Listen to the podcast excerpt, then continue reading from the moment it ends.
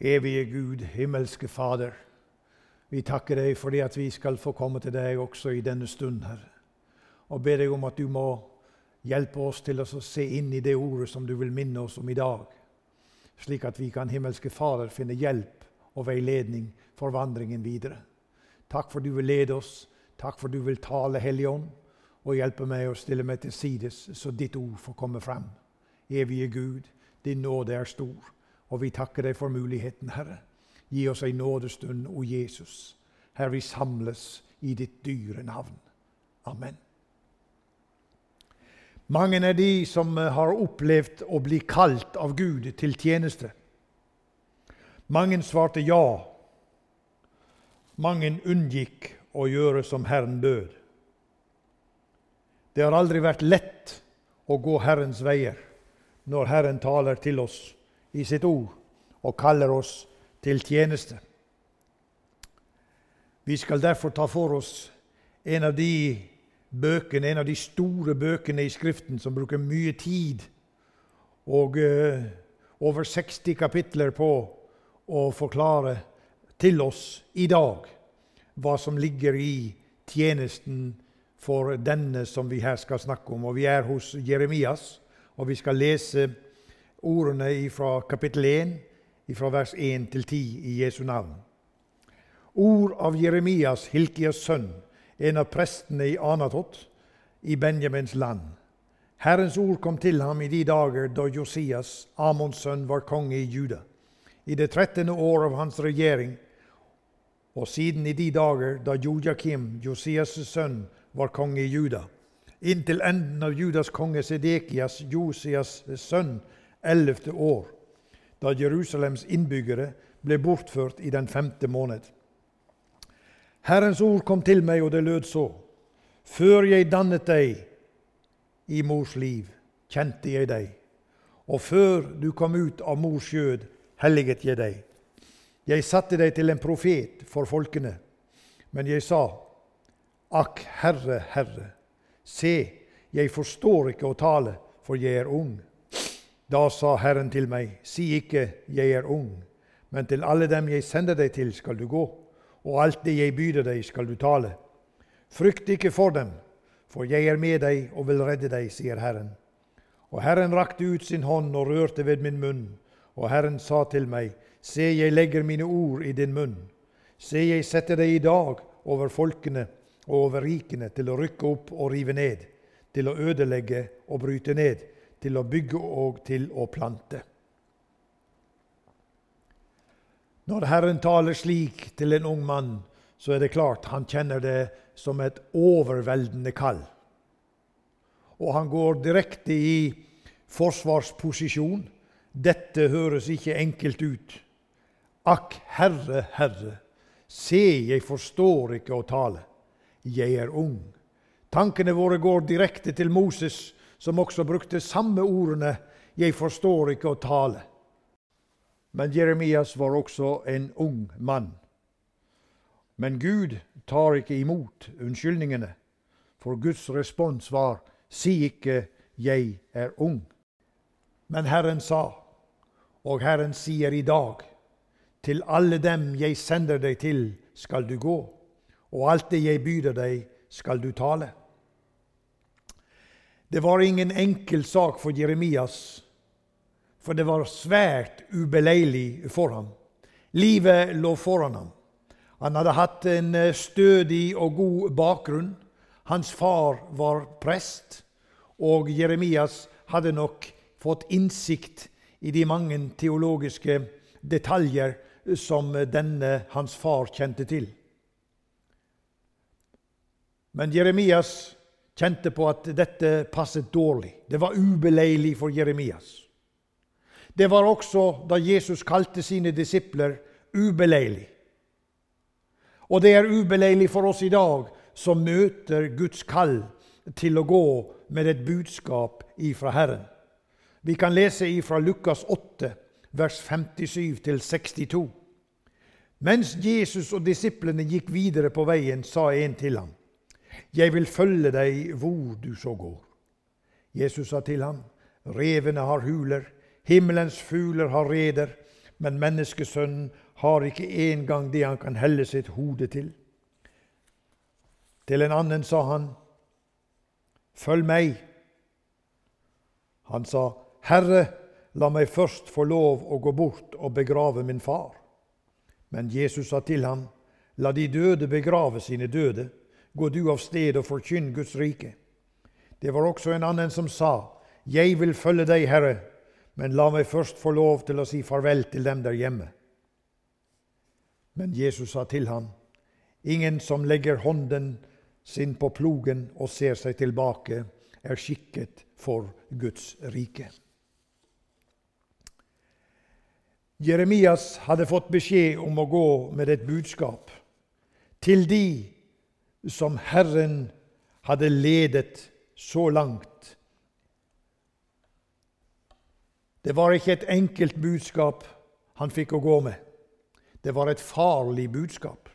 Det var farlig ikke bare for hans kanskje teologiske ståsted, men det var farlig for Jeremias' liv å gå med dette budskapet. For hva var så budskapet?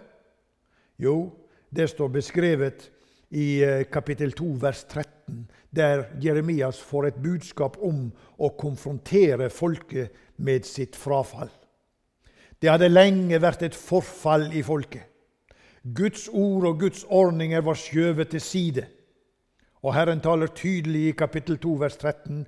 To onde ting, Jeremias, har mitt folk gjort. Meg har de forlatt, kilden med det levende vann, og hugget seg ut brønner, sprukne brønner som ikke holder vann. Hva er det som skjer fysisk med oss når vi konsumerer dårlig vann? Jo, det vet vi godt. Vi blir syke, og vi kan enda til dø. For ikke lenge siden så hadde vi i våre omgivelser et varsel fra det offentlige. Ikke drikk vannet fra springen. Kom til oss og få renset og trygt vann. Hva skjer åndelig med oss når vi konsumerer feil forkynnelse? Også da opplever vi sykdom og død. Vi som eh, holder til i denne menigheten, hva er det vi holder på med da? Hva er det vi forkynner i denne tid?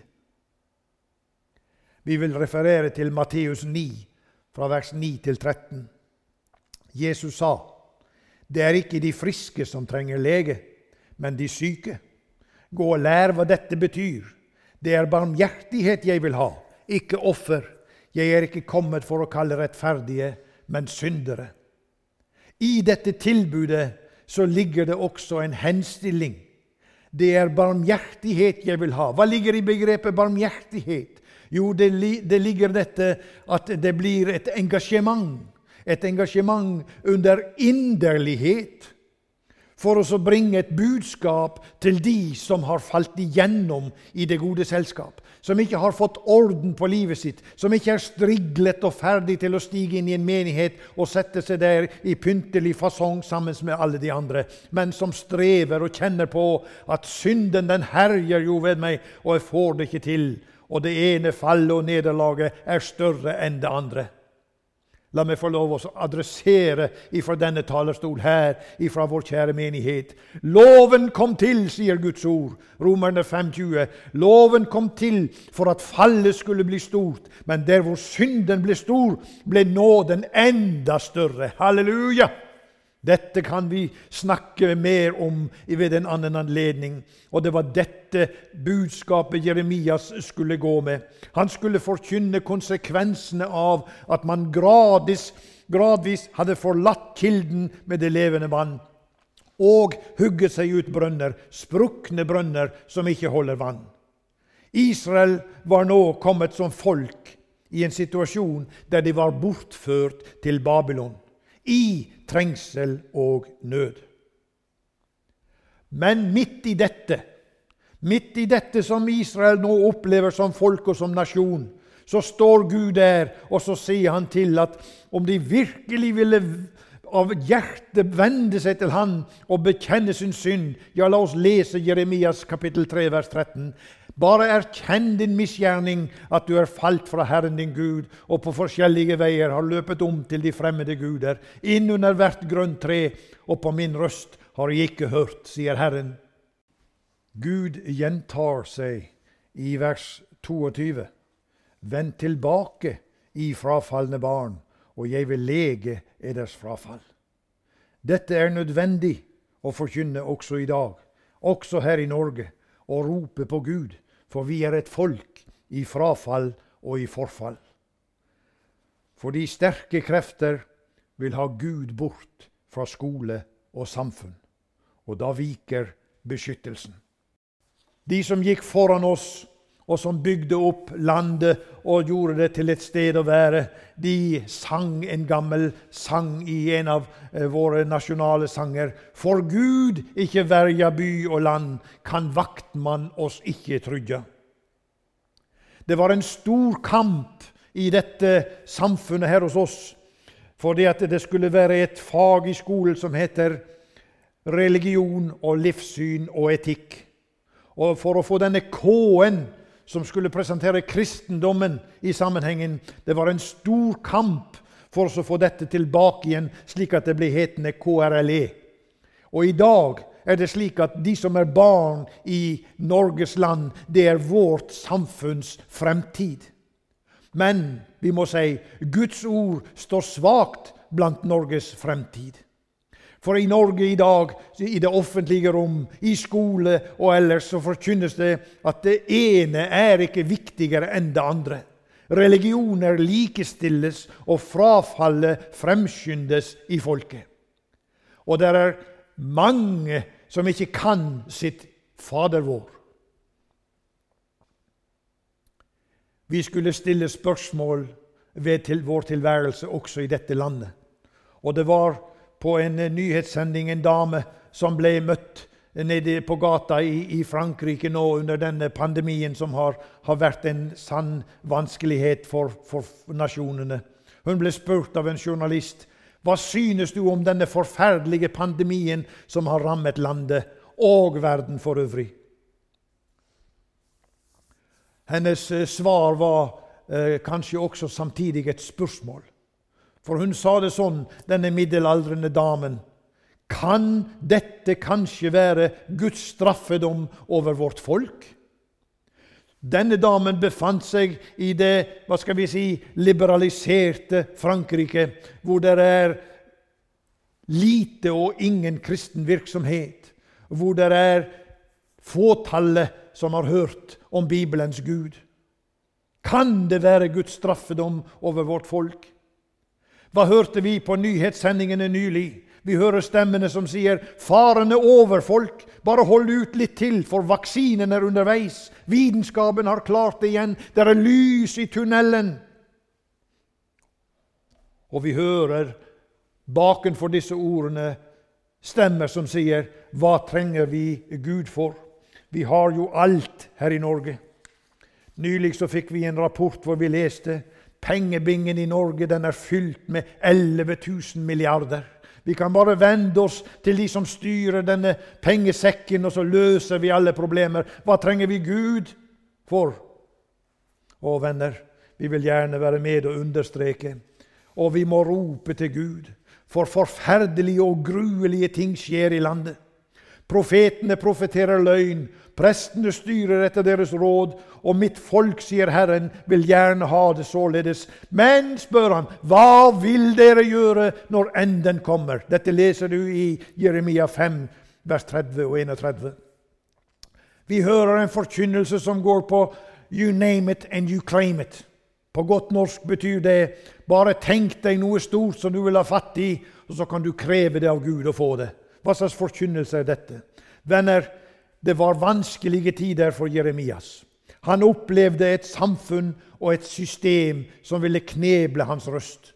Vi leser i kapittel 11 og i vers 20, der han møtte dette. La oss utrydde ham av de levendes land, så ikke noen mere kommer hans navn i hu. Videre leser vi utover i kapittel 26, vers 8, der Jeremias opplever dødsdom. Da grep de Jeremias, ikke lovens håndhevere, men prestene og profetene og hele folket, og sa:" Du, Jeremias, skal dø. Det leser vi i kapittel 26, vers 8. Men hva var det Gud hadde sagt til Jeremias? I kapittel 1, som vi leste, vers 8. Frykt ikke for dem, for jeg er med deg og vil redde deg, sier Herren. Han hadde fått et løfte over kallet. Han hadde fått et løfte over sitt liv om at Gud skulle gå med ham. Og Jeremias han forkynte med autoritet ifra Gud, en hilsen til folket. Og Vi leser det i Jeremias 29, 11-14. Jeg vet de tanker jeg tenker om dere, sier Herren. Det er fredstanker og ikke tanker til ulykke. Jeg vil gi dere fremtid og håp, og dere skal påkalle meg og gå av sted og be til meg, og jeg vil høre på dere. Dere skal søke meg, og dere skal finne meg når dere søker meg av hele deres hjerte. Jeg vil la meg finne av dere, sier Herren. Jeg vil gjøre ende på deres fangenskap og samle dere fra alle de folkene og alle de stedene som jeg har drevet dere bort til, sier Herren og jeg vil føre dere tilbake til det stedet som jeg førte dere bort fra. Dette står å lese i Jeremias 29, 11-14. Men hva var responsen på dette som Gud kom med som sitt tilbud? Fredstanker, utfrielse fra ulykke og den ulykksalige situasjonen som landet var, bortført til Babylon. Og Gud som stiger fram med sitt løfte, 'Dere skal søke meg, og dere skal finne meg', sa han, 'når dere søker meg av hele deres hjerte'. Er det slik, venner, at vi som kristen folk, vi som forkynner, vi som møtes til samlinger, roper vi til Gud ifra våre hjerter? Er vi inne der for Herrens nådetrone, hvor vi får høre det 'Jeg hører din bønn, og jeg vil' gjøre ende på ditt fangenskap. Jeg vil samle deg, jeg vil føre dere tilbake. Jeg vil holde min hånd over dere. Hører vi dette i dag? Jeremias, den responsen Jeremias fikk, det var fengsling og tortur. Det leser vi om i Jeremias 37, 15. Videre i kapittel 38 så leser vi om Jeremias. Han opplevde å bli kastet i en brønn uten mat. Og Der sto han til langt oppå sitt legeme, nedsunket i, i denne brønnen. Hva tenkte Jeremias der da? Det står at han var tre dager i denne brønnen, tre døgn i denne brønnen. Tenkte han på å avslutte sin tjeneste? Tenkte han som så Gud, du som sa du skulle være med meg, for jeg skal, jeg skal redde deg. Jeg kan ikke kalle det for noe redning her jeg står og venter på døden. Han visste ikke Jeremias visste ikke det som skulle komme, og som vi leser om i kapittel 38 fra vers 7 til 10. Etioperen Ebed Melek, en gjelding som tjente i kongens hus, hørte at de hadde kastet Jeremia i brønnen. Kongen satt da i Benjaminporten. Så gikk Ebed Melek ut av kongens hus og talte til kongen og sa:" Herre konge, disse menn har gjort ille i alt det de har gjort mot profeten Jeremia. De har kastet ham i brønnen, og der dør han av sult, for det er ikke mer brød i byen.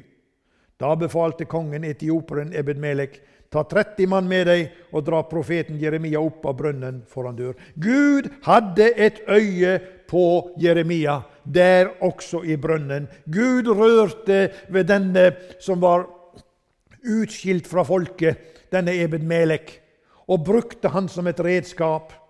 Og Gud, han vil også du som står i brønnen, du som står til langt oppå halsen i elendighet. Gud vil ta seg av deg om du vil gå der Han sender deg. Gud ser, kjære venner, etter villige hjerter som har villige hender og villige føtter. For Herren spør fremdeles dette spørsmål. Hvem skal jeg sende, og hvem vil gå for oss. Bak dette spørsmål står treenigheten, for Gud taler ikke lenger om at 'hvem vil gå for meg'? Nei, 'hvem vil gå for oss'? Det er himmelens Gud i den treenighet som han er, som spør 'hvem vil gå for oss'?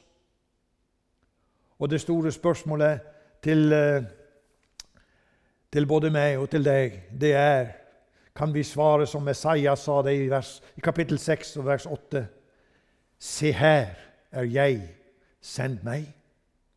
Må Gud hjelpe oss til å være villige og frimodige til å gå der Herren vil. Og vi kan avslutte dette med en strofe ifra, ifra sangen som Fanny Crosby eh, skrev i 1875. Og hun vitnet og sa Hele veien går han med meg, kjærlighet så stor og rik. Og til sist en evig hvile gir han meg i himmelrik. Når jeg der skal fri forklaret, kaste meg for tronen ned, skal det fryde meg å minnes, hele veien gikk han med. Kanskje er det slik en dag, iallfall i min tanke, at der skal vi møte Jeremias, og da skal vi få høre vitnesbyrdet. Du, det var vanskelig, men hele veien gikk han med. Dette er Guds løfte til oss i eh, også den tjeneste vi står i. Vi som opplever motgang, vi som opplever vanskeligheter, vi som opplever kanskje ensomhet og, og, og andre problemer.